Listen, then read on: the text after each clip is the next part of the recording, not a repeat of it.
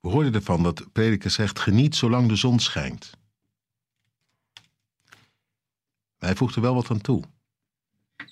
In het negende en tiende vers van hoofdstuk 11. En onthoud bij alles wat je doet dat God je aan zijn oordeel onderwerpt. Belast je hart niet met verdriet en houd je lichaam vrij van kwalen, want je jeugd en je jonge jaren zijn snel voorbij.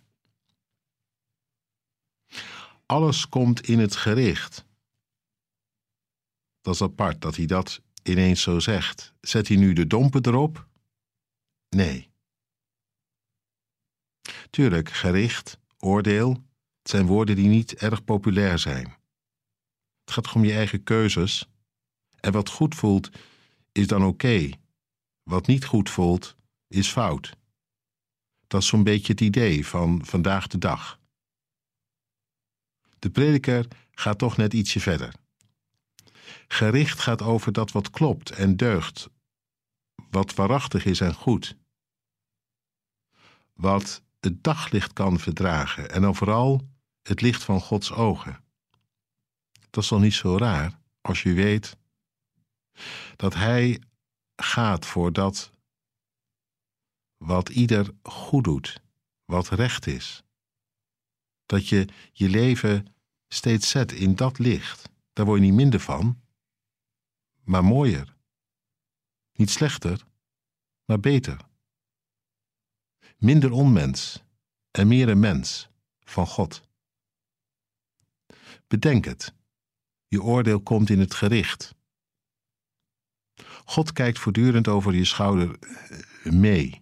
Niet als de zeurpiet, maar als degene die je wil helpen zo je leven in te richten dat en jij en de ander er optimaal van geniet. Omdat het kwaad geen eigen leven kan leiden. En je samen gaat voor dat wat goed is. Nee, het gaat dus niet om terug naar een oude angst als je moet denken aan het gericht. Integendeel. God is nooit uit op angst, dat houdt je klein en onvolwassen. Zijn liefde wil die uitdrijven. Tegelijk is zijn liefde erop uit dat jij voor zijn ogen je verantwoordelijkheid zult nemen. Zult bedenken dat er hem veel aan gelegen is, wat jij er al dan niet van maakt. Trouwens, het gaat niet alleen om dat oordeel en gericht van hem, ook los daarvan. Is het niet handig, zegt de prediker hier, dat je als je jong bent je eigen ziel en lichaam verwoest door onverantwoord gedrag.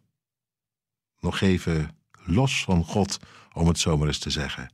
Maakt het nogal wat uit welke keuzes jij maakt. Waar je van groeit en bloeit, of waar je soms al heel jong kapot aan gaat. De keuze is aan jou, maar ik zou het wel weten.